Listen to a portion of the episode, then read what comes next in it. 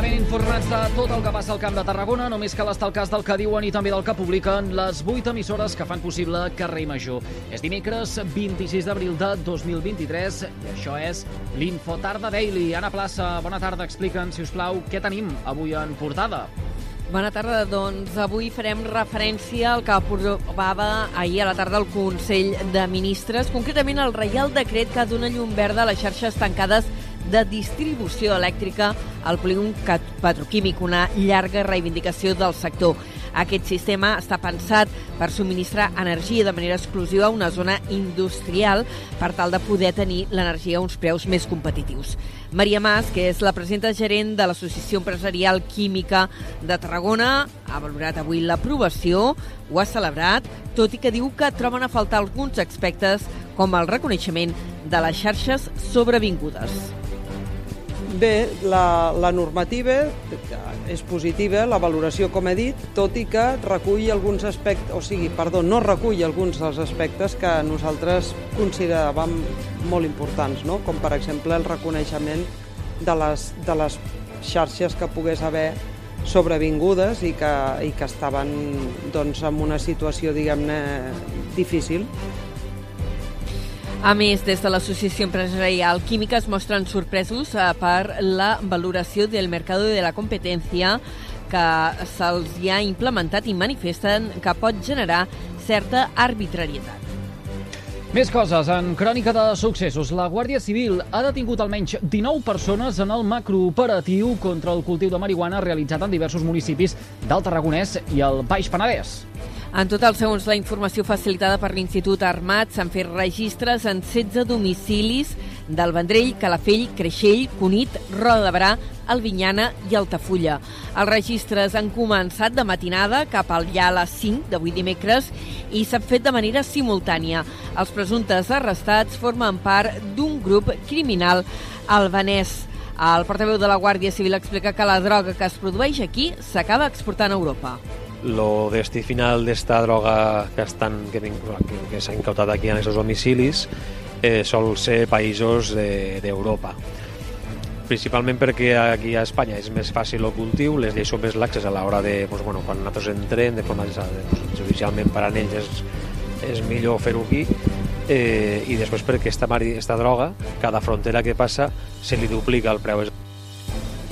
Estem parlant d'un macrooperatiu que encara està en marxa i que ha, permet, ha permès desarticular diverses plantacions de marihuana. Hi han intervingut uns 200 agents de la Guàrdia Civil, també de les policies locals, així com el grup especial del Salt i un helicòpter. I dues persones han mort en un atropellament a la C51Z a Rodonyà, a l'Alt Camp.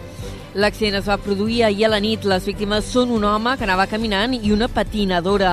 Els fets van tenir lloc a l'altura del punt quilomètric 20 eh, i mig d'aquesta carretera de la C51Z a Rodonyà, eh, quan, per causes que encara s'estan investigant, un turisme va embestir i atropellar mortalment les dues víctimes. Carrer Major, la proximitat del Camp de Tarragona. Acció Climàtica comença a aplicar un producte perquè els cabirols no s'apropin a la vinya i se la mengin. Una prova pilot que s'està fent, de fet, al nostre territori, a les comarques del Baix Penedès, l'Alt Camp i el Priorat, per poder controlar aquesta espècie que té molt preocupada els agricultors. Aquest producte fitosanitari ja s'ha provat amb bons resultats a França. Es tracta d'una eina de control biològic. El producte el que fa és repel·lir els animals tant a nivell olfactiu com pel seu gust. Un cop passats 30 dies de la primera aplicació, tècnics de les agrupacions de defensa vegetal repetiran el procés i en valoraran els resultats. Canviant de tema, el Port de Tarragona reposarà 100.000 metres cúbics de sorra a la platja de la Pineda aquest mes de maig. Una operació, de fet, que es repeteix cada any i enguany uns treballs que es preveu que s'allarguin uns 20 dies i que estiguin enllestits abans de començar la temporada turística. Per a les operacions, el port farà servir enguany una draga de major capacitat que treballa amb un nivell d'emissions inferior i consumeix menys combustible. Ho ha explicat l'enginyer de l'autoritat portuària, l'Oriol Caraltó. L'empresa dragadora és la Rodenilsen i dins de la seva àmplia flota que tenen, la Freja R era la que tenien disponible, tot complint els requisits del, del plec contractual que tenim amb ells i a més a més es dona circumstància que és una draga més gran, per tant pot fer les feines d'una forma més eficient i més ràpid que l'any passat. El Port de Tarragona realitza anualment aquesta aportació de sorra a la platja de la Pineda i ho fa per compensar la prolongació del dic de Llevant, uns treballs que tenen un cost anuals de 600.000 euros. Carrer Major és proximitat.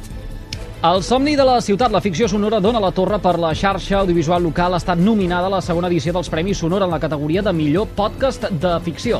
Uns premis que volen reconèixer els millors podcasts difosos durant l'any passat. D'entre les prop de 200 candidatures que s'han presentat en guany, el jurat ha escollit tres finalistes per categoria. En el cas del millor podcast de ficció, hi tenim El somni de la ciutat, Dona la Torre, també a l'habitació màgica de Conte Viu Audiocontes i Mix 97 de Catalunya Ràdio. Paral·lelament al col·laborador de, de Carrer Major, Damià Morós, museòleg i historiador de l'art, també ha estat finalista per la reserva del Temps de les Arts en categoria de podcast conversacional. Carrer Dit tot això, Major, coneguem Fent camp de Tarragona. Dit tot això, coneguem quin temps ens espera de cara a les properes hores i connectem amb el Servei Meteorològic de la xarxa de comunicació local. Lluís Mi Pérez, bona tarda. Encara queden força núvols que no s'acaben de desfer de les comarques de Girona i de Barcelona, bàsicament cap a l'interior d'ambdues demarcacions.